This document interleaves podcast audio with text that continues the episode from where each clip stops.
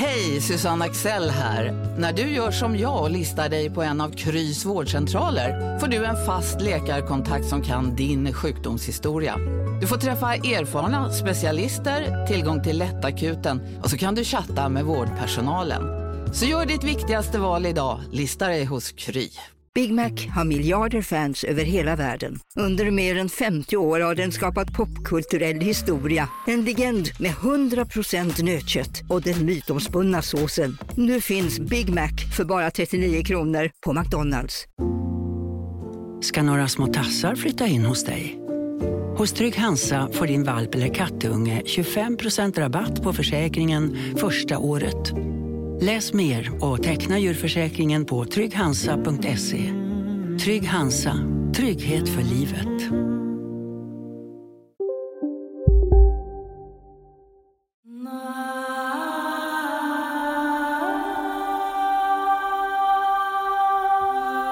Hej och välkomna till Oskar och Fredrik podcast. Det är jag som är Fredrik. Och det är jag som är Oskar.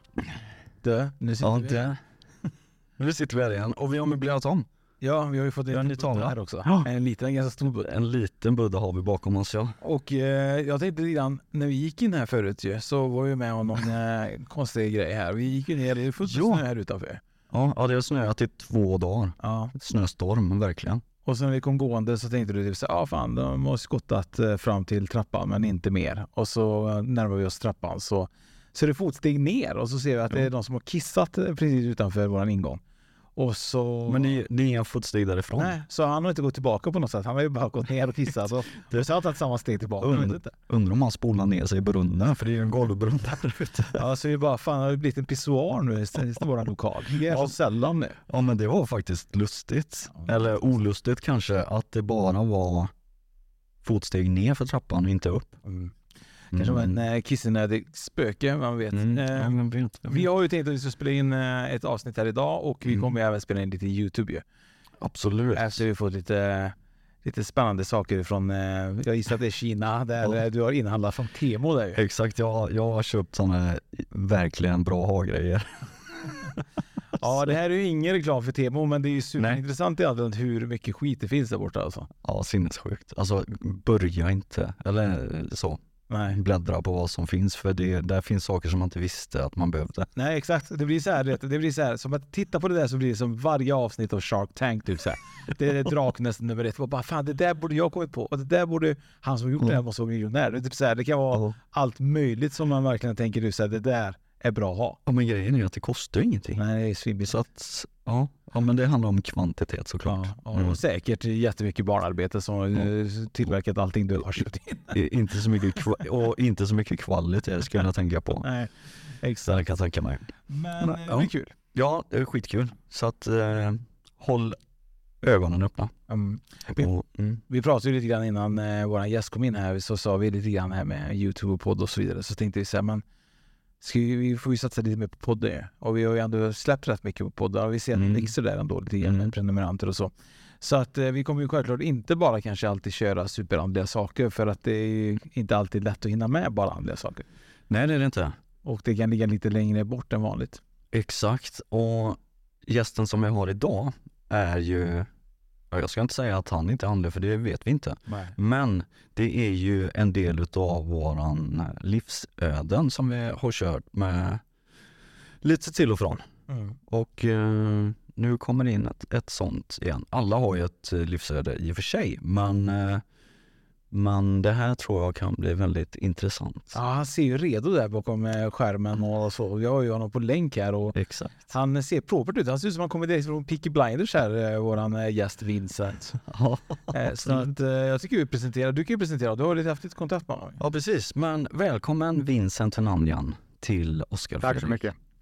Hur känns det att vara med här? Har du varit med i poddsammanhang tidigare förresten?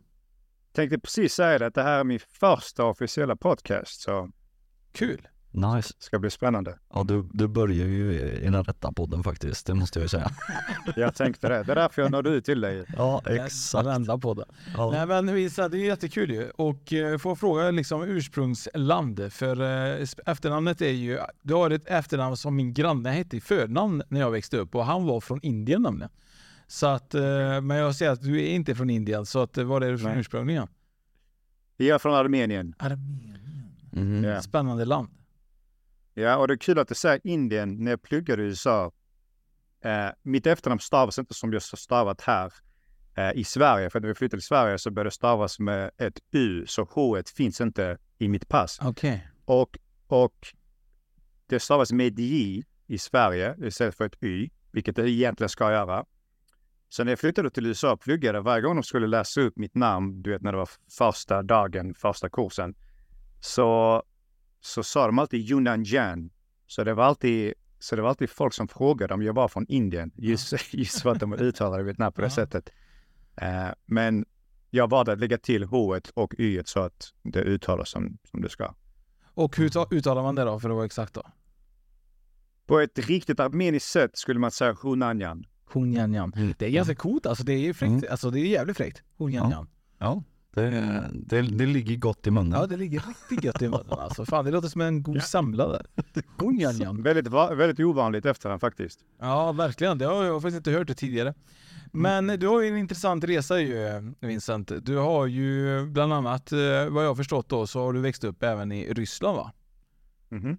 Och sen har du tagit dig vidare till USA och så vidare. Men och om vi börjar egentligen från barnsben, vart eh, är det Armenien du föds i? Okej, så um, för att göra en lång, väldigt lång historia kort. När min mamma var ehm, um, 18-19 så flyttade hon just från Armenien som på den tiden tillhörde Sovjet. Ehm, hon flyttade då till uh, Sankt Petersburg som på den tiden hette Leningrad och började plugga på universitet. Och det är där hon träffade min farsa som också pluggade. Eh, och han är också från Armenien då. Och eh, när jag kom till då, när jag föddes, så var det just det året som Sovjet kollapsade. Eh, så tekniskt sett så föddes jag i Armenien, men jag växte upp i Sankt Petersburg fram tills eh, jag var tio och då flyttade vi till eh, Sverige. Till Sverige. Kom, kommer du ihåg någonting från när du bodde i Ryssland? Oh ja, oh ja, jag kommer ihåg väldigt mycket.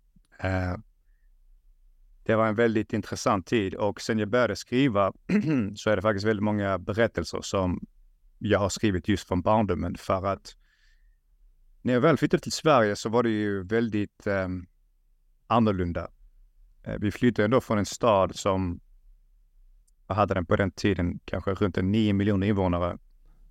Eh, icke-officiella siffror. Officiella siffror tror jag är närmare fem, men det finns väldigt mycket människor där som är det liksom icke-officiellt. Men så när du flyttar från en stad som har lika många invånare som hela landet du flyttar till och vi flyttar till en väldigt litet ställe i Sverige eh, så var det ju väldigt eh, chockerande. Jag kommer ihåg det, bland de första sakerna jag reagerade var hur sakta alla körde. Och jag tänkte varför kör alla så här sakta? Och eh, jag fattade då att det inte att de körde sakta, det var att folk körde väldigt galet i Sankt Petersburg. Ehm, så, så det var en hel del skillnader och varför jag kommer att prata om de här skillnaderna, det är just för att när jag tänker tillbaka på min barndom så tänkte jag shit, alla de sakerna jag varit med om, det är ju inte många barn, speciellt i den unga åldern, som, som har varit med om det.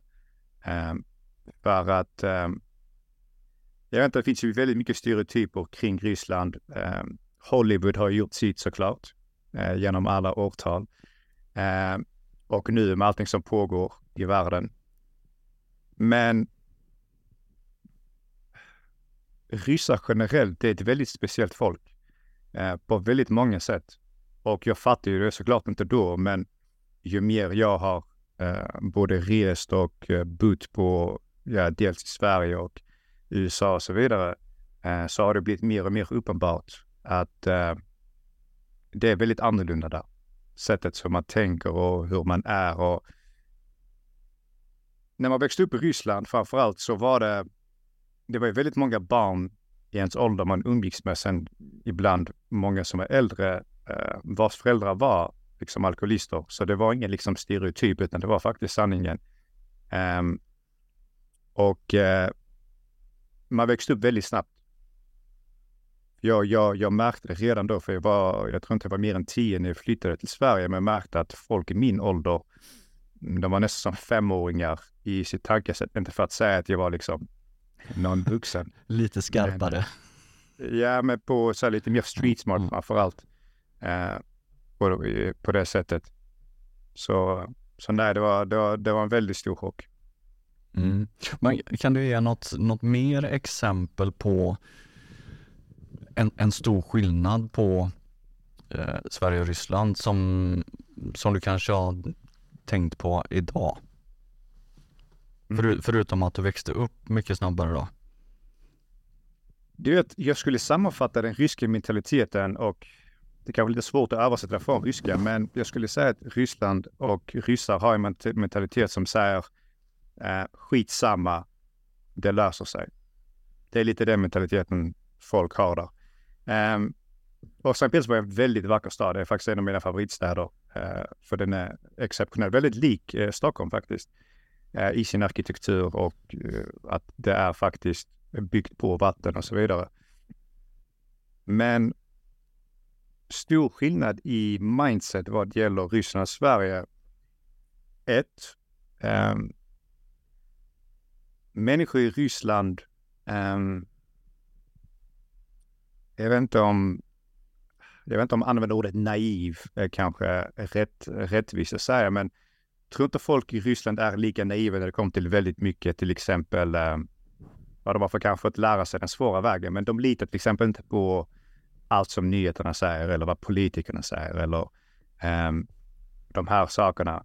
Medan jag märker det och jag märker det fortfarande att i Sverige så finns det extremt mycket tillit um, till både vad uh, man säger på nyheterna, vad, vad man läser i Aftonbladet eller vad ens politiker säger och så vidare och så vidare. Um, så där tror jag det är väldigt stor skillnad. Men något som stämmer in både på svenskar och ryssar är faktiskt det att um, både ryssar och svenskar är ett väldigt vänligt folk när du väl lär känna dem. Och jag vet att många människor, speciellt turister som har varit i Ryssland, säger att ja, men ryssar, du vet, ingen går runt och ler och eh, en annan sak som jag var lite chockad över när jag fick till Sverige var att du kunde gå förbi en person du aldrig träffat i ditt liv och de sa hej hej och man bara tänkte okej, varför hälsar du på mig? Eh, för det gör inte ryssar till exempel. Det, du kommer aldrig gå förbi någon som spontant liksom hälsar på dig eller eh, för de tycker att det är konstigt. Eh, Medan jänkarna är ju tvärt emot. En jänka kan komma upp liksom till dig från ingenstans och börja prata med dig i 30 minuter och sen du kommer aldrig träffa personen igen. Um, så, så på det sättet är ryssar och svenskar väldigt lika i det att uh, i början kan de verka lite kalla. Men när du väl lär känna personen så märker du att det är faktiskt väldigt uh, vänligt folk. Väldigt, väldigt snälla människor. Jag, jag ska inte säga snälla människor som vi, du vet att du måste komma från ett visst ställe. 99 procent av alla människor skulle jag säga är vänliga och, och snälla. Men, eh, men det är eh, en likhet. Sen såklart alla skillnader däremellan. Mm. Mm, Hur kommer det sig att eh, ni sedan flyttade till Sverige då? Ja, ehm, jag har ju två äldre bröder ehm, och ehm, jag, eh, vi växte upp med en ensamstående mamma. Min farsa eh, valde att göra sitt när jag var tre, fyra år gammal tror jag var. Eh, så försvann han mer eller mindre från vårt liv. Och eh, min mamma var då själv under väldigt, väldigt många år eh, och jobbade liksom 200 jobb för att eh, vi skulle kunna ha det bra eller så bra som vi kunde ha det. Eh, framförallt ha tak över huvudet liksom och mat på bordet. Ehm, och eh, runt den tiden då också, när vi flyttade till Sverige runt 2001 så var det ju ett annat krig som pågick. Eh, och det var Tjetjenienkriget. Eh, och eh, där var det ju väldigt många unga killar, alltså inte mer än 18 år gamla pojkar som, som aldrig kom tillbaka.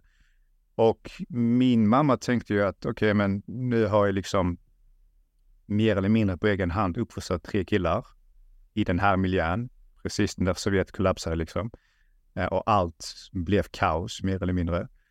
Eh, Och här är de och nu ska de liksom bli skickade till något jävla krig här eh, och förmodligen aldrig komma tillbaka. Det där är inte okej. Så hon började tänka redan då att nej, det måste finnas liksom ett, det måste finnas bättre lösning på det. Så, så vi flyttade till Sverige. Men kom mamma ensam eller kom ni? Nej, nej hon, eh, hon gifte sig faktiskt med en svensk man. Eh, som, eh, eh, och vi hade kunnat hamna var som helst. För att eh, det var väldigt många eh, män som, som var intresserade av att gifta sig med min kära mamma. Och det var liksom folk från Australien och USA. Ja, hon låter ju snygg. hon låter snygg. ja, hon, var, hon är fortfarande väldigt vacker. Hon är liksom över 60 men hon ser ut att vara 40. Mm. Eh, så, så, men vi hamnade i Sverige. Eh, hur, det, hur det blev. Jag brukar tänka då och då att vad hade liksom, hur hade man varit om man hade växt upp till exempel i Australien? Man hade ju inte varit densamma för nu bär man ju ändå väldigt mycket på den svenska kulturen. Eh, men allt hände av en anledning, så here we are. Mm. Ja, annars har jag varit en sån här crocodile hunter, du vet. Går ut i Tarzan-kalsongerna varje dag liksom. Och den lilla kniven i fickan. Men jag tänker Vincent, jag hörde att du hade ju varit i USA och pluggat. Eh, du eh, läste på UCLA ju. Eh, mm. Och det är ju en intressant skola tycker jag. Och hur fungerar det för att komma in där ifall du är i, från Sverige? Är det inte lite så här olika... Mm, kan man komma in som svensk i en sån college eller? Mm, bra fråga. Så det jag gjorde eh, när jag faktiskt fick studenten, eh, eller när jag tog studenten här, så hade jag inte ett betyg, eller ett, vad är det de kallar det, samlat betygsdokument. Och det är för att jag hade bytt linje i tvåan och det var kurser som jag var tvungen att plugga upp. Eh, och det jag fick höra var att äh, men du måste gå på komvux för att plugga upp det. Och jag hade ingen lust på att plugga komvux. Jag hade ingen lust att plugga, fortsätta plugga i Sverige överhuvudtaget för att jag var väldigt trött på klimatet och det trodde jag då i alla fall. Men sen kom jag fatta att det var väldigt mycket jag ville fly från också när jag var 19 år gammal. Ehm, och min polare då, som också ville plugga utomlands, han rekommenderade USA. Ehm, och det är så roligt att kan ju såklart ha med det faktum att jag växte upp i Ryssland, men jag har alltid varit lite kall vad det gäller USA. Jag hade aldrig varit där. Um, så jag sa, nej, vad fan ska vi göra i USA liksom? Du vet, känner ingen där och du vet, de är si och så. Och, eh, blir du skjuten på gatan och du har ingen eh, sjukförsäkring liksom, så kommer du dö. Det är så här galna eh, övertygelser man har fått. Men han sålde in det genom att säga att eh, snittvädret i Santa Monica där vi skulle börja plugga, eh, han sa någonting med att ja, men det är 16 grader året runt i snitt och jag tänkte sold. Så, så det var det. Så det vi gjorde var då att eh, jag började plugga på community college som det heter och där kan vem som helst komma in, mer eller mindre. Eh, och då gör du ett intagningsprov sett till matte och engelska så att du blir placerad. Och sen pluggar du där i två år och så får du någonting som heter associates degree. Associates degree kan du inte göra så mycket med och det om du ska söka jobb, det är ingen som liksom bara oh shit, en associates degree, utan det är mer tänkt att du ska utnyttja de två åren som du har eh, samlat eh, eh, vad heter det, eh, credits, alltså högskolebetyg på, för att sen göra en så kallad transfer till ett så kallat riktigt universitet som till exempel UCLA, plugga två år till där och få din bachelors, alltså din kandidat. Så det är det jag gjorde. Jag kom in på Santa Monica, eh, pluggade i två år. Jag fick min associate och sen ansökte jag till en fyra, fem universitet och så valde jag UCLA. Coolt ju. Mm. Hur är det? Är det verkligen så som man ser typ i filmer? Är det den här känslan eller hur, hur är verkligheten? Det, det, är en bra fråga faktiskt. Eh, för att jag tror att väldigt, eh, du vet på tal om Hollywood, alltså Hollywood har programmerat en mycket mer än vad man tror eller mycket mer än vad man vill erkänna kanske. Eh, för jag vet att till exempel American Pie, många scener filmades faktiskt på UCLA.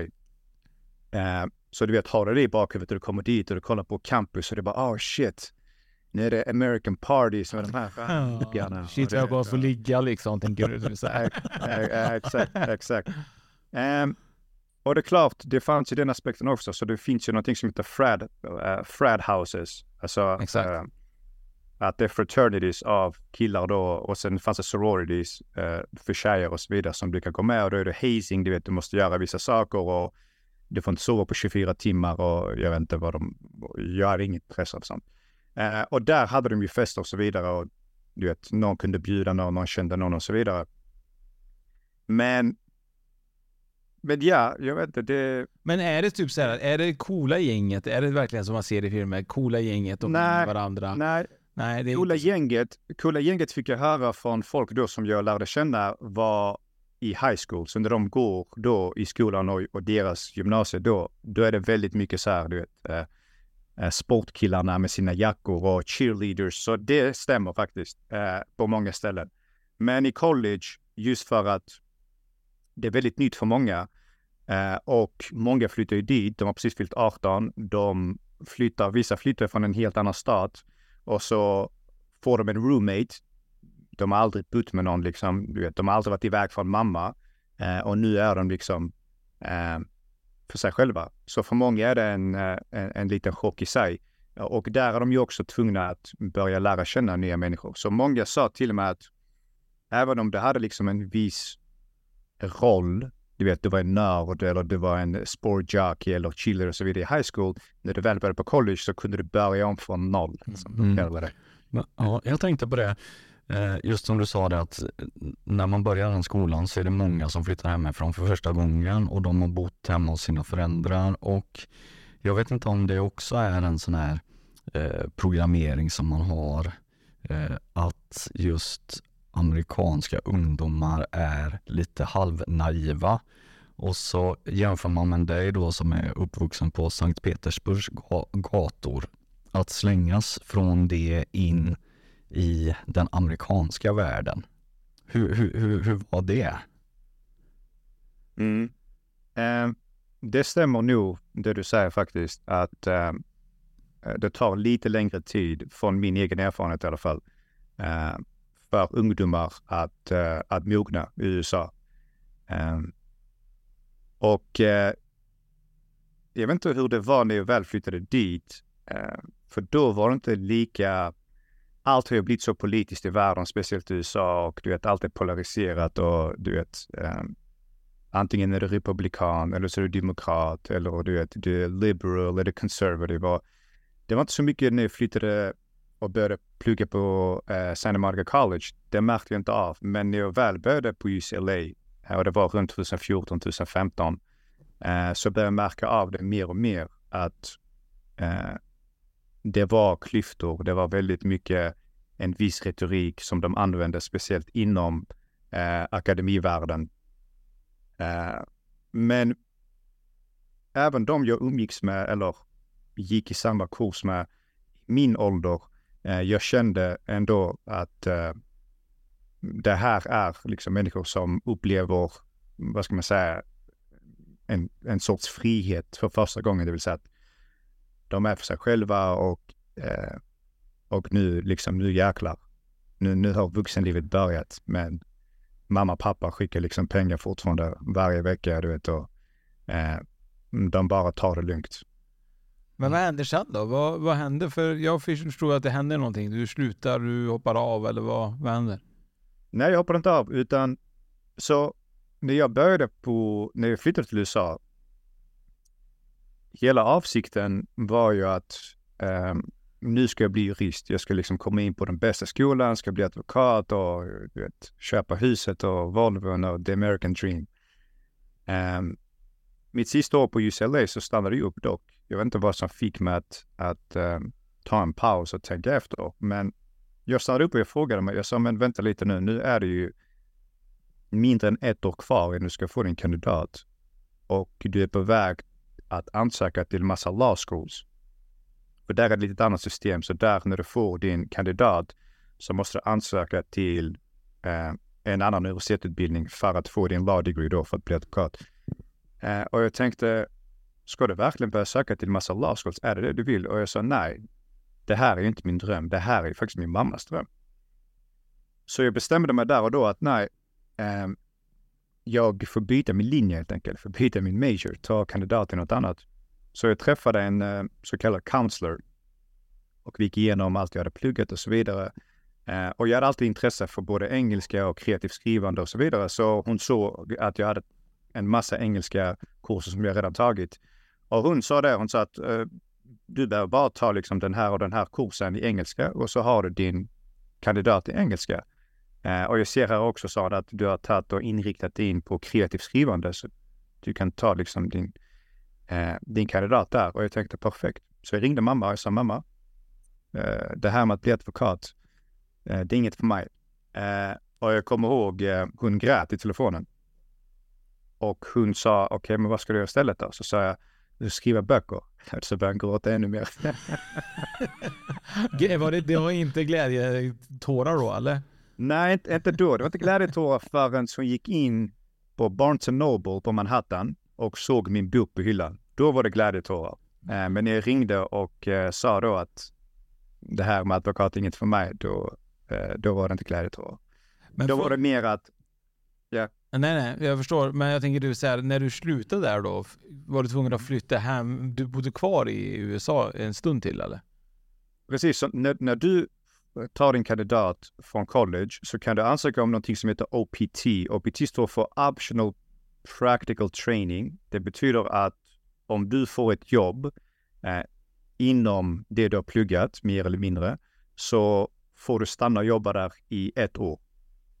Och jag tänkte, ja men perfekt. Jag tänkte, det här är min chans. Jag tar ett jobb. Eh, jag stannar ett år. Jag löser en green card och liksom resten flyter på. Eh, men det gick inte så bra med den, med, med, med den planen för att de flesta företag anställer inte eh, dels utländska studenter eh, som inte har papper, alltså på det här OPT, för att vad det betyder för dem. För att även om du blir anställd och du gör skitbra ifrån det och de vill anställa dig, de måste ansöka om ett green card för dig. Mm. Och från vad jag förstod då, eh, den amerikanska staten, de låter ut bara ett x antal sådana per år. Och oftast är det då eh, folk som har pluggat eh, engineering eh, eller eh, så här eh, science eller chemistry och så vidare de här ämnen som börjar jobba på Silicon Valley och du vet, eller IT till exempel, eh, de har alltid väldigt hög chans att kunna få de här green cardsen.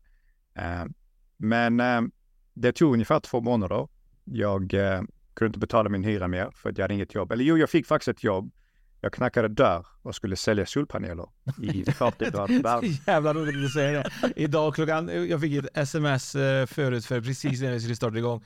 Vi hade bokat ett möte klockan 17, knackade på dörren och det är ingen där. Jag bara nej, jag glömde att jag hade inspelning. Det var en gubbe som skulle sälja solpaneler så det var faktiskt väldigt roligt att du sa precis det. ja. Um, det är inte världens roligaste jobb, det kan jag säga. Speciellt när det steker och så 40 grader. Um, Sen ska jag vara ärlig också och säga att jag hade inte världens bästa attityd. Eh, det, det, är lätt för mig att, att se det nu, men då hade jag inte jättebra attityd. Hade jag haft den, det mindset jag har nu såklart, så, så hade det gått betydligt bättre. Men så som jag ser på det, allt det som hände var ju tvunget att hända för att jag skulle vakna. Så det som hände var att jag blev hemlös mer eller mindre. Jag sov i min bil. Det var en sliten uh, Hyundai från 2003 Asien funkar inte. Eh, men tack och lov så är det varmt nog i LA så att du liksom fryser inte ihjäl på nätterna. Så jag sov i min bil, käkade mat från ett ställe som heter 99 cent store. Så allt som säljs där kostar under dollarn. Och då kan du tänka, ja. ja. men då kan du tänka dig också att det, i, i, det hade inte fått säljas i Sverige. Det de kallar för mat i den butiken. Eh, de säljer bland annat ost där som inte får heta ost, för det finns inga ingredienser där som... det är ingen ost i det. Nej, men det, Nej, för fan. Det, står, ja, det står så här burger topping på den. Jag kommer ihåg eh, när min polare skulle... Eh, eh, han la det i ugnen för att han ville ha liksom en liten toast. Och han väntade 20 minuter, det smälte inte. ja, det, det lät inte som en bra ost det där. Men shit alltså. Men, eh, och då käkar du den här äckliga osten då? I ett par veckor då, eller hur länge höll du på? Ja, ja osten, osten höll jag mig borta från. Men ja, du vet, allt du kunde liksom konservmat till, eh, du vet, frukt som var så här lite halvrutten på sidan och så vidare. Så det var, det var väl det jag livnärde på. Jag duschade, jag hade ett medlemskap på LA Fitness, det är deras gym där. Eh, där jag duschade, gjorde mig ordning på morgnarna, stack till mina jobbintervjuer som jag trodde jag skulle få de här jobben på. Mm. Eh, och det tog, efter två månaders tid så tänkte jag nej, nu får det fan räcka, tänkte jag. Det här funkar inte. Mm. Så, så jag flyttade tillbaka till Sverige. Och, eh, Men vad, vad, jag var, Ja. jag får bara fråga. Du eh, planerar, du ringer hem till mamma och säger att du, jag ska inte bli advokat. Hon blir eh, förskräckt, Det bryter ut i tårar.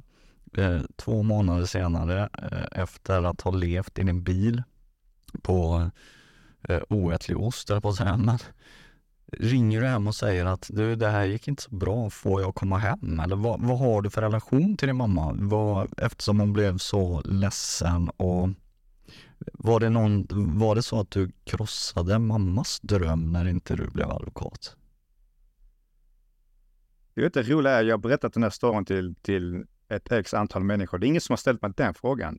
Så det var en väldigt bra fråga. Och jag ska berätta varför det är en väldigt bra fråga.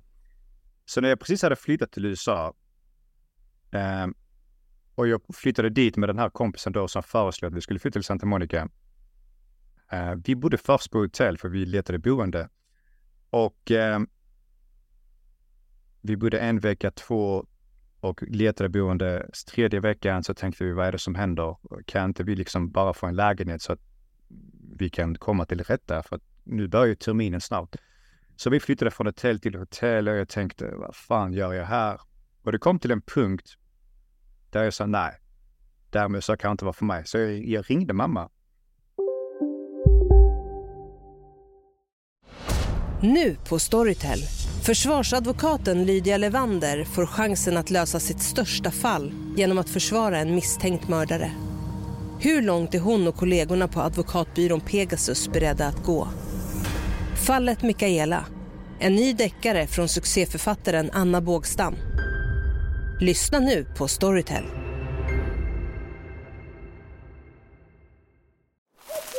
Okej hörni, gänget. Vad är vårt motto? Nej, allt är inte alltid som du tror. Nu täcker vårt nät 99,3 procent av Sveriges befolkning baserat på röstteckning och folkbokföringsadress. Ta reda på mer på 3.se eller i din 3-butik. Hej, Synoptik här. Livet med glasögon ska vara bekymmersfritt. Därför får du 30% på alla glasögon när du väljer Synoptik All Inclusive. All service ingår alltid. Välkommen till Synoptik. Jag ringde mamma och jag sa mamma, eh, nej, jag har bestämt mig, jag ska hem. Och hon sa så här, eh, hon sa nej, det ska du inte alls, för nu har du tagit ditt beslut och nu är du där och eh, nu får det bli. Och så klickade hon mig. Mer eller mindre var det samtalet. Och där kände jag bara, min första känsla var, va? Vad är det för respons? Men eh, vilken tur att hon reagerade på det viset. Eh, för att det var också lite av en wake-up call där och då, där jag tänkte att men vänta lite, hon har ju faktiskt rätt. Det är du som tog det här beslutet, det är ingen som sa, det är ingen som ens föreslog att du skulle åka och det var faktiskt många som eh, pratade emot dig. Vad ska du göra så långt bort? Du vet, din familj är här och dina vänner och så vidare. Och jag sa nej, nej, nu ska jag till USA. Så jag hade tagit det beslutet och jag fick leva med det. Och till din fråga då, eh, Fredrik. När jag väl vaknade eh, dag in dag ut i den här bilen, käkade den här äckliga maten och kom då till det beslutet att nej, det här funkar inte. Då ringde jag mamma. Eller mamma höll hela tiden kontakt med mig för att hon förstod också min, min situation. Och att jag psykiskt inte mådde jättebra. Eh, och eh, hon sa det att nej, det kommer gå bra liksom. Fortsätt eh, gå på dina intervjuer och du vet, eh, håll humöret uppe och så vidare och så vidare. Men jag sa det, jag sa nej, eh, jag har tagit beslutet, jag ska hem. Och där och då så förstod hon att eh, hon blev väldigt besviken. Men hon förstod att det var inte så mycket hon kunde göra. Jag kommer ihåg till och med ett samtal och sa, jag, hon sa jag, kommer, jag, jag bokar nästa flyg, jag kommer. Och jag sa, vad, vad, vad ska du göra? Liksom, ta intervjuerna för mig. Eh, Mamma löser utan, eh, precis. Eh, så jag sa nej, utan beslutet är taget. Eh, och var väldigt besviken. Jag kommer ihåg när jag väl hade landat och jag kom hem. Eh, och då hade min familj flyttat till Göteborg faktiskt. Eh, så det var inte längre Skåne. Eh, jag kom in i lägenheten och mamma var väldigt tyst. hon var väldigt besviken. Och det hjälpte ju inte mitt känslotillstånd då, för jag var ju nästan helt knäckt. För jag tänkte, vad? Vad har du gjort? Har du slösat all den här tiden och du skulle göra det ena och det andra och nu är du tillbaka i Sverige och du svor att du inte skulle bo här utan du skulle bli USA och där. Um, så ja, det var inte den bästa tiden för mig. Nej, men vad, vad rör sig i huvudet där då? För jag tänker ju att eh, när, när man har tagit ett sådant beslut och ändå, eh, som du säger då, åka till USA och eh, eh, living, living the dream och så kommer man hem och känner sig ganska nedbruten då, förstå. Men hur upplevde du det där och då så att vi kan få en förståelse för var du faktiskt var någonstans då? Alltså jag förstod inte det då. För, som sagt, min attityd var inte den bästa. Så när någon frågade liksom varför gick det så, hur gick det till, så var det aldrig mitt fel. Det var ju USAs system som var, som var liksom icke-fungerande och det var svårt att få jobb när det var utlänning och knacka dörr i 40 graders hetta och så är det solpaneler. Vem fan vill göra det och, och så här. Så det var ju väldigt svårt för mig att, att kunna se på det objektivt. Um, så jag skyllde på allt och alla, men det var, det var inte mitt fel. Och det var inte förrän eh, min kära bror Tigran då, som redan hade börjat komma in på personlig utveckling. Han var på den tiden väldigt insatt i Tony Robbins. Och eh, han såg, han var nog den enda som eh, kunde se min situation för vad den var, eller i alla fall förstå den. Så det var han som började väldigt försiktigt, för att han visste hur, hur motvillig jag var. Eh, väldigt försiktigt att börja tipsa lite böcker jag skulle läsa eller eh, lite övningar jag skulle göra och sådana saker. Men jag, eh, jag förkastade mer eller mindre allt han sa. Eh, jag ville inte läsa någon av de böckerna. Personlig utveckling var för idioter. Det var scam eh, och det ena med det andra. Så jag bara fortsatte att existera i det här eh, offertillståndet. Det är väl inget bättre ord än att jag var lite av ett offer. Mm. Men eh, när personlig utveckling, du hoppar på det då med din bror då eh, och började jobba med honom eller vad? Hur kom det in? Nej, inte riktigt då. Eh, så han hade redan börjat, um, som sagt, studera Tony Robbins. Han hade till och med varit på något live-event uh, i USA uh, eh, och blev mer och mer insatt i det. Och um, jag kom också till en punkt där eh, jag tittade på mina resultat helt enkelt. Jag tittade på var jag var, vad som hade hänt mig, hur jag spenderade mina dagar. Och jag tänkte, okej, okay, men jag, mm, jag får väl ge det en chans vad är det värsta som kan hända? bland de första böckerna jag läste var Jim Brown och Jim Brown var faktiskt Tony Robbins mentor. Uh, och jag tror den heter uh, Seven Strategies for Wealth and Happiness, tror jag den heter. Ganska, ganska tunn bok, men väldigt uh, rik på bra information. Hur som helst, i slutet på den boken så finns det en um, sån här goal, uh, goal setting exercise, så du sätter dina mål. Och eh, där skulle man sätta korttidsmål, så ett årsmål, tre årsmål, fem och tio tror jag det är.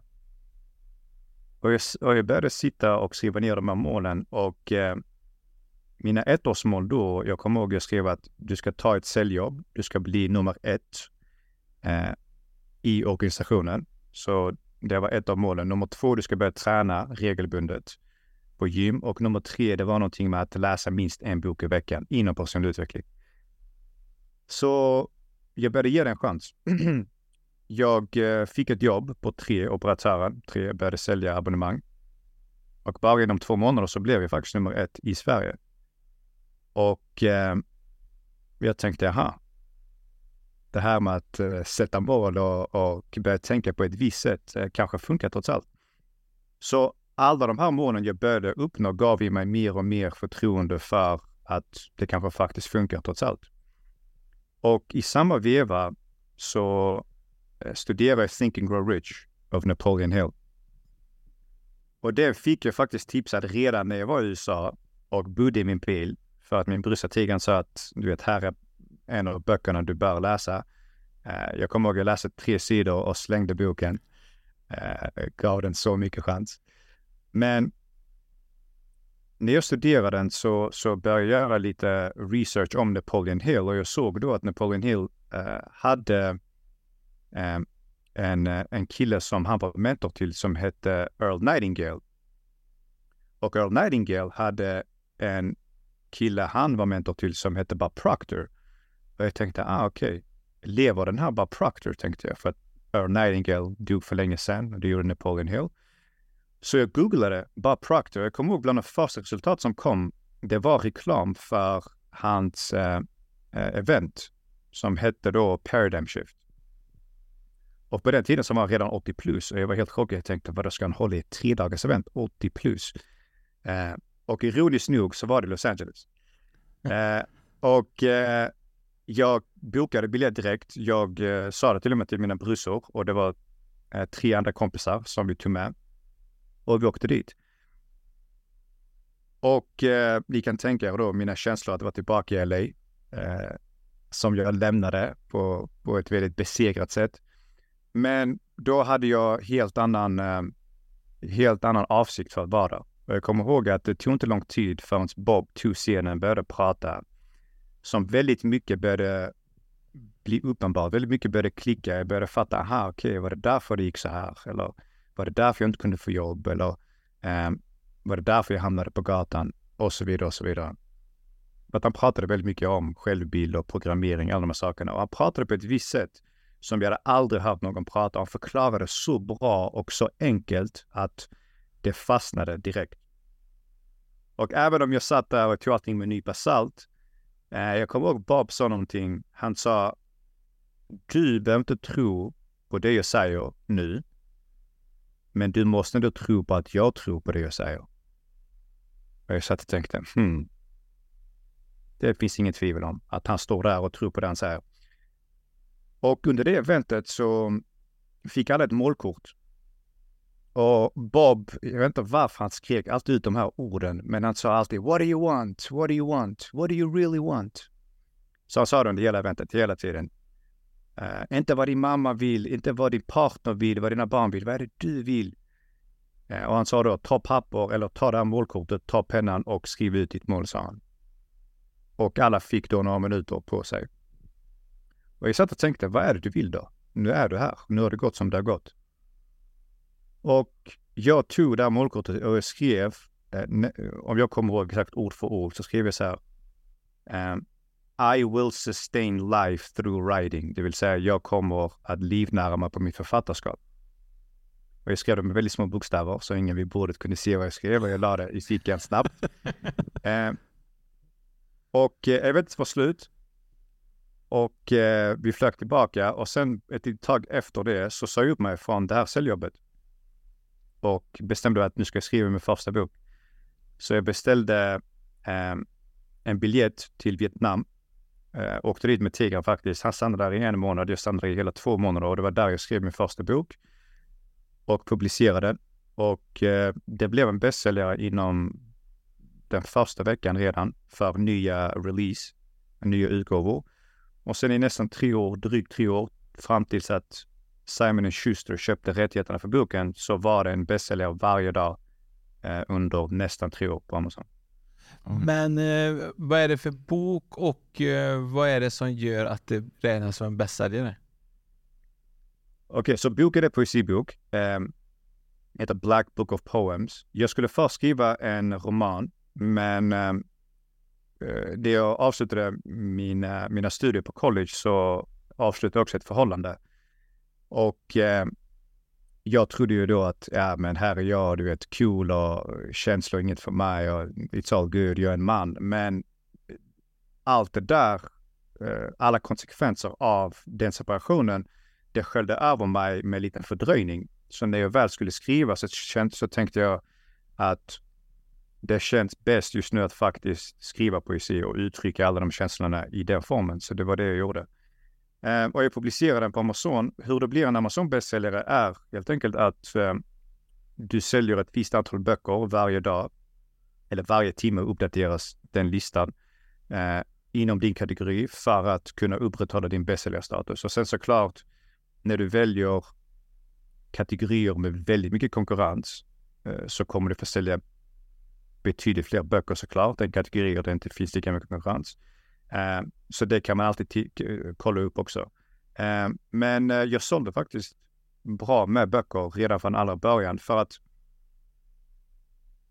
tack vare Bob Proctor, tack vare att jag redan hade börjat den här resan så var det väldigt många principer av ihärdighet som jag började fatta. Eh, det här med självbild, att få gå utanför sin comfort zone. För det, det är någonting som jag ser väldigt många människor som vill skriva nu, vilka misstag man gör.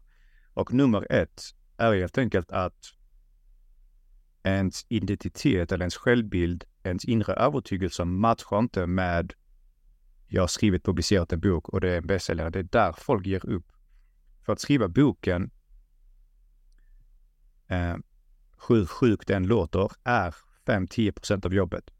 90 plus procent av jobbet är ju att få folk att köpa den, att läsa den. För att även om du skriver världens bästa bok, jättebra, det är tillfredsställelse i det. Men om ingen köper den, då är det skitsamma. Det är ju där jag är i mitt mm. liv. Jag har ju jag, jag har ju köpt en bok men jag, jag har ju bara skrivit, jag har inte lagt tid på att sälja den.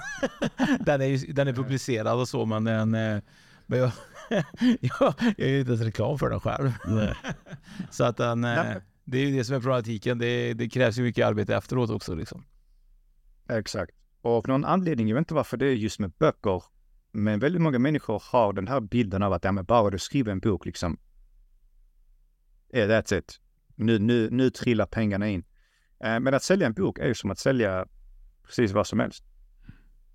Eh, folk måste känna till den för att du ska kunna sälja den. Precis som du säljer dina liksom, tjänster eller coaching eller eh, IT-design eller vad det nu är.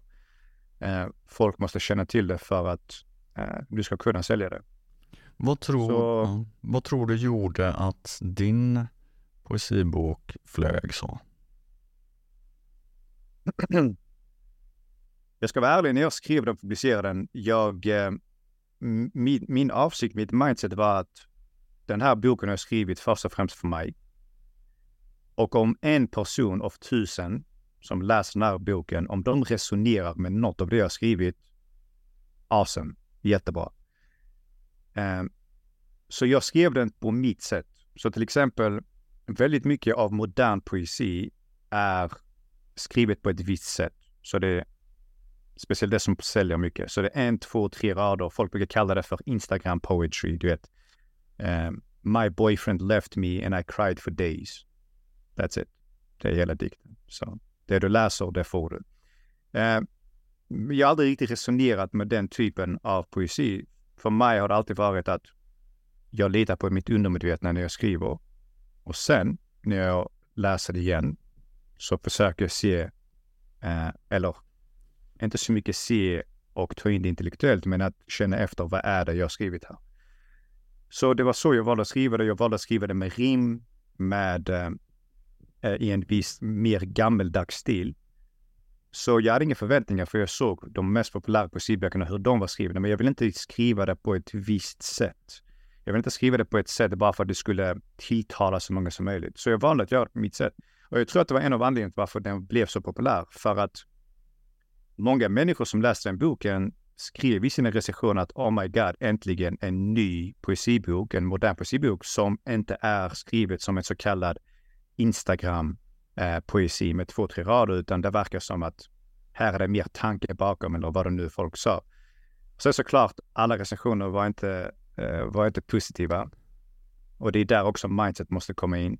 Du, du måste ju vara eh, bekväm med att det här kommer inte tilltala alla. Och faktum är om det tilltalar alla, eller de flesta, då har du inte pushat det tillräckligt. Speciellt om du skriver poesi. Nej, jag tror att jag förstår vad du menar där faktiskt. Det är ju lite så. Det kan ju inte tilltala alla och gör det det så har man kanske inte gått in på djupet av sig själv heller för den delen för att skriva den här. Mm. Och, eh, men får jag fråga, har du boken framför dig? Eh, jag har den på hyllan bakom mig. Kan du, kan du möjligtvis kanske läsa en av dina favoritpoesier från boken så man får liksom en bild av hur det mm. funkar? Så medan jag hämtar boken då Fredrik, mm. så tänker jag typ så har du någonsin skrivit en dikt? Nej. jag har aldrig skrivit en där. Jag tror det. Det, var, det var jag kanske gjort, men ingen som jag minns rakt arm så. Men det var ganska kul att skriva dikt om dikterna. Ja, absolut. Nej, jag är ingen skrivare utav rang, det är jag inte. Nej, men det kanske har känslorna då? Känslorna har jag. Ja. Men det är ju en fin grej att skriva ibland. Man kan ju skriva av sig. Ja, absolut. Ska vi se, nu blir det spännande. Jag är faktiskt jävligt spännande. Jag tror faktiskt någonstans jag har nog sprungit på din bok tror jag. Jag känner igen The Black Book of Poem i, i huvudet. Så att eh, du har nog lyckats väldigt bra med eh, just the cover av boken och så vidare. Så jag tror faktiskt att jag har sett den någonstans. Mm. Kul. Eh, och på tal om cover, det är någonting som jag pratar väldigt mycket om och eh, poängterar för nya författare hur, viktig, hur viktigt ditt omslag är. Eh, och det faktum att så många människor har nått ut till mig och sagt att jag aldrig har talat om det, aldrig har talat om din bok, men jag såg din cover och den första boken ser bara ut så här liksom och det står Black Book of Poems med vita bokstäver på svart bakgrund och jag tänkte att det är någonting med den här boken så jag plockade upp den. Eh, så cover är väldigt viktigt. Mm. Hur många sidor är boken på? Yeah. Eller hur många, poems, hur många poems, hur många dikter är det totalt i boken? Typ? Vi ska se. Det här är den andra delen och här är det 60 någonting dikter tror jag mm. det Du får gärna välja en av dina, kanske mm. de som ligger närmast hjärtat kanske. Något där. Jag, jag, kan välja, jag kan välja en som passar in på den här berättelsen. Mm. Eller berättelsen, alltså min livsberättelse rättare sagt. Um, och det är den sista dikten i den andra boken, så den sammanfattar mer eller mindre hela grejen. Och den heter Don't take your talents to your grave. Jag läste upp den på en av min brors eh, föreläsningar för någon månad sedan. Och den dedikerar jag faktiskt till Bob Proctor. Och under ett event med Bob Proctor så tog jag med boken och sa Bob, här är dikten dedikerad till dig. Lite side story. Han läste den, han sa den är jättebra. Och under det eventet, det var ett annat event då, där skrev jag nya mål och han sa vad är ditt mål? Jag sa jag vill hitta min agent som ska hitta mig ett bokförlag. Och han sa okej, okay, häng med här. Tog fram sin telefon, skickade informationen till sin egen agent. Så och sa att hör av dig, hör av dig till honom och säg att Bob Proctor send you. så sin gest. Alltså kommer han hjälpa dig och det var så jag hittade min agent. Men det är en liten side story. Um, den heter Don't take your talents to your grave. Det går så här. Don't take your talents to your grave. Don't drown your inner voice in noise. Don't let your family, friend, or foe dishearten you from wanting more.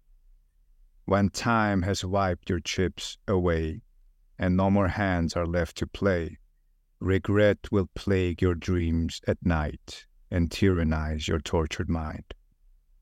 Life will wink and pass you by and flood the corners of your eyes. When on your deathbed, frail and gray, in fear and trembling you shall lay. Fortune smiles upon the brave. Don't take your talents to your grave.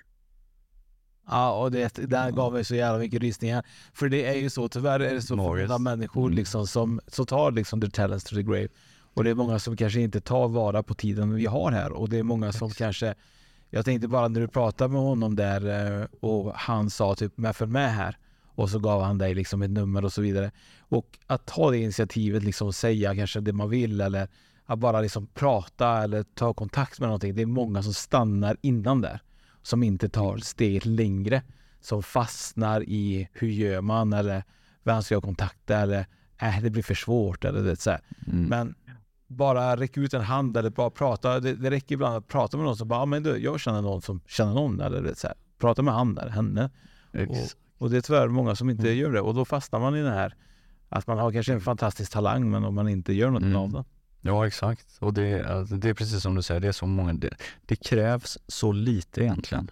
Ja, det, alltså, krävs det, det räcker att öppna sin mun. Ja, det, För det, det, är ju det är alltid någon som känner någon. Och träffar man rätt någon som känner någon. ja men det är det. det men jag kan tänka mig nu så här, nu sitter många kanske och lyssnar och tänker så här, för det finns ju många där ute som förmodligen vill skriva sin första bok eller skriva sin mm. första diktbok eller det. det finns ju folk som har visioner och drömmar om musik och dikter och så vidare. Mm. Och jag vet ju någonstans att man kan ju reach out, man kan liksom nå ut till dig och få hjälp med hur man gör. Och, och det kan ju vara, där är en bra början för, för dig som lyssnar som kanske vill släppa din första bok, som verkligen vill ta det klivet och undra hur gör jag, var, var ska jag vända mig och vad är mitt första steg och hur gör jag för att avsluta liksom hela den här bokreleasen liksom. Absolut, för vi är ju någon som känner någon. Ja, vi är någon och vi, vi känner Vincent som faktiskt eh, håller på med det här. Du kan ju få berätta själv faktiskt. Ja, ja eh, så innan jag berättar, det är kul att du säger att, att det räcker med att du bara räcker upp handen. För att när jag satt i den salen, det var drygt hundra människor där och Bob stod längst bak i rummet. Och jag såg att det var många som såg att han stod där. Men jag var den enda som gick fram till honom. Och pratade med honom. Och för det var många som satt och tänkte, oh shit, Bob han står där. Eh, så det är precis som du säger. Eh, det räcker med att du bara går fram och börjar prata med en människa och det ena leder till det andra, andra leder till det tredje och så vidare. Eh, det jag gör nu eh, för att avsluta min life story. eh, I takt med att jag skrev de här böckerna så startade min brorsa sin eh, coachingverksamhet. Och eh, när han då precis startade så var han bara själv och jag tänkte eh, jag hakar på här. Jag tänkte det här med coaching, det är jävligt intressant. Jag har lärt mig väldigt mycket själv. Det hade varit kul att hjälpa andra och det hade varit kul att hjälpa min brorsa i, i på den här resan. Så jag jobbade med min brorsa i drygt fem år eh, på det företaget. Nyligen nu så valde jag att eh, nischa in mig just på det här med skrivande. Eh, så eh, det är det jag gör nu. Jag hjälper människor eh, med såklart mindset. För att oavsett vad du väljer att göra, det är alltid nummer ett. Jag kan ge dig alla strategier i världen, jag kan ge dig alla verktyg, men om, om mindset inte är där så är det skitsamma. Um, och jag har faktiskt en, en liten masterclass på drygt en timme. Den är kostnadsfri och där går jag igenom alla de här aspekterna av hur du faktiskt kan komma igång redan idag med att skriva. Eh, jag går igenom alla de här eh, begränsande övertygelserna som så många har när de väl vill skriva. Du vet det här med att ah, jag är inte tillräckligt bra, eh, vad ska jag skriva om, jag har skrivkramp och alla tusentals övertygelser. Så jag går igenom alla de sakerna. Och jag går igenom också någonting som, heter, som jag kallar för Five C's Formula. Jag fick översätta det direkt på engelska. Eh, och Five C's är de här C'n då på engelska som du måste implementera om boken ska bli framgångsrik eh, på Amazon. Så din cover, omslag, eh, din content såklart, ditt innehåll, alltså du gör ditt bästa. Eh, din titel, jätteviktigt, titlar säljer böcker. Eh, och sen categories, vilka kategorier du faktiskt väljer på Amazon. Eh, och eh, din prissättning. Så bland de största misstagen jag ser folk göra är att de publicerar sin bok. Ingen har hört talas om dem. De har ett ganska taskigt omslag. Ingen jättebra titel mamma, pappa, vänner har lämnat fem, sex recensioner, så inte jättemycket social proof och så sätter de ett pris på 200 spänn och förväntar sig att nu ska alla köpa den. Så någonting jag gjorde som nu i efterhand, jag tänker det var jävligt smart och tack och lov så lät jag inte mitt ego komma i vägen. Det var att när jag publicerade min första bok så valde jag det lägsta priset jag kunde välja där jag gick plus minus noll, så jag tjänade inga pengar i början. Men det gjorde jag just så att jag kunde få ut så många böcker som möjligt i händerna på folk. För att det i sin tur ledde ju till att folk faktiskt lämnade recensioner. Så jag började bygga en relation med eh, mina läsare. För att det var väldigt många började nå ut. Um, så det är det jag lär ut om. Och om, om man vill kolla på eh, den här föreläsningen så gå in på publicera.co eh, och där skriver du bara in ditt namn, eh, din e-post och så kan du kika på den. Spännande. Jag har ju min sambo hemma, hon sitter ju och skriver bok. Hon har ju skrivit eh, vad är det, 30 000 ord nu tror jag. Så Mm, att wow. eh, hon är uppe, hon, måste, hon vill väl komma upp i 60 000 tror jag. Så hon skriver ju, hon sitter ju alla kvällar, eftermiddagar efter jobbet och skriver, skriver, skriver, skriver och skriver om och ändrar och så vidare håller hon på. Så hon, eh, jag ska faktiskt be henne gå in på det här och eh, kika på, på detta och eh, det är ju kul för, Mm. för henne att kunna få liksom kanske coaching på vägen också. Så att, eh, Absolut, för det, det är ju, vi har ju spelat in väldigt många avsnitt och eh, precis som Vincent är författare så har vi haft med många andra författare också och många eh, med dem önskar ju, alltså det är jättemånga som har en önskan om att faktiskt skriva en bok. Mm. Eh, sin life story kanske eller saker man varit med om eh, för att kunna hjälpa andra människor och så vidare. Eh, speciellt i, den kretsen som vi har varit i med, med podden och hur gör man?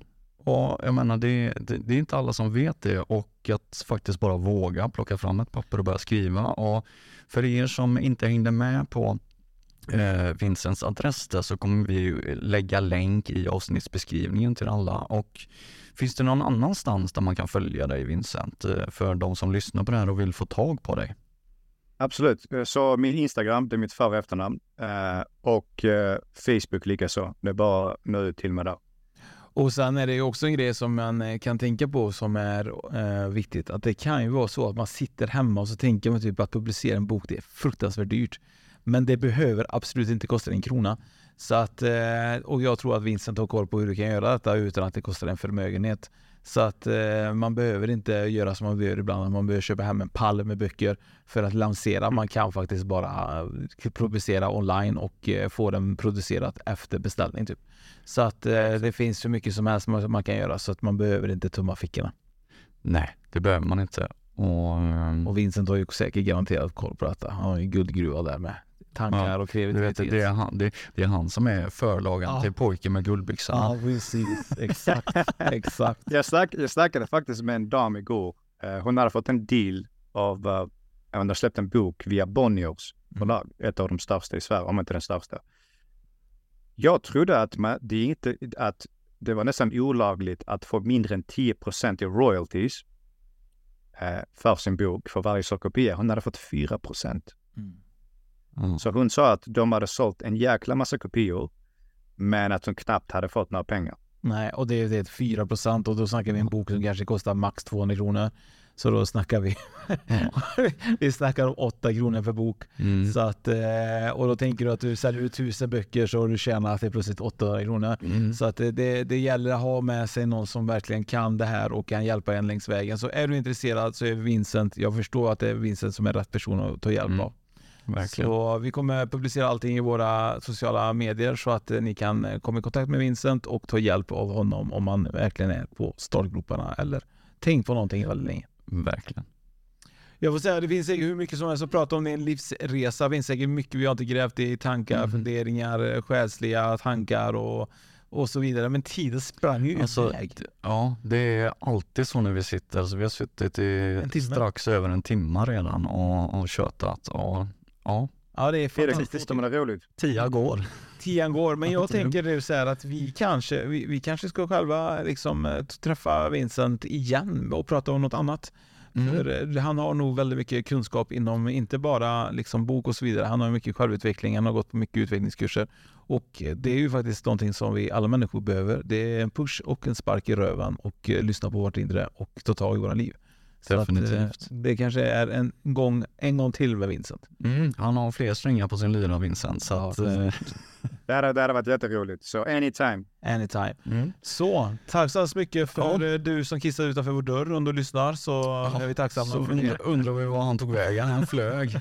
han hade med sig en Red Bull. Ja, det hade han garanterat. Så fick ringa. för er andra, håll utkik på Youtube för eh, vi kommer släppa ut en video inom kort och det mm. finns lite spökliga videor som är på väg.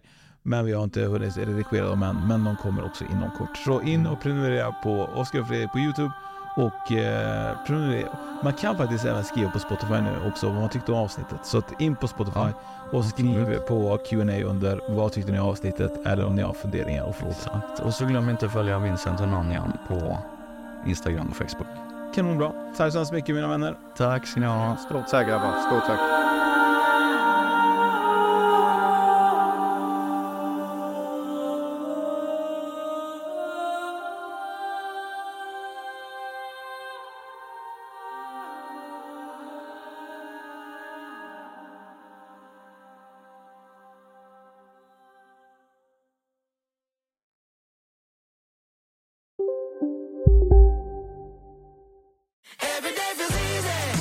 Medlem hos Circle K är livet längs vägen extra bra. Just nu får du som ansluter dig 50 öre rabatt per liter på de tre första tankningarna och halva priset på en valfri biltvätt. Och ju mer du tankar, desto bättre rabatter får du. Välkommen till Circle K. Välkommen till Maccafé på utvalda McDonalds restauranger med Baristakaffe till rimligt pris. Vad sägs om en latte eller cappuccino för bara 35 kronor? Alltid gjorda av våra utbildade baristor.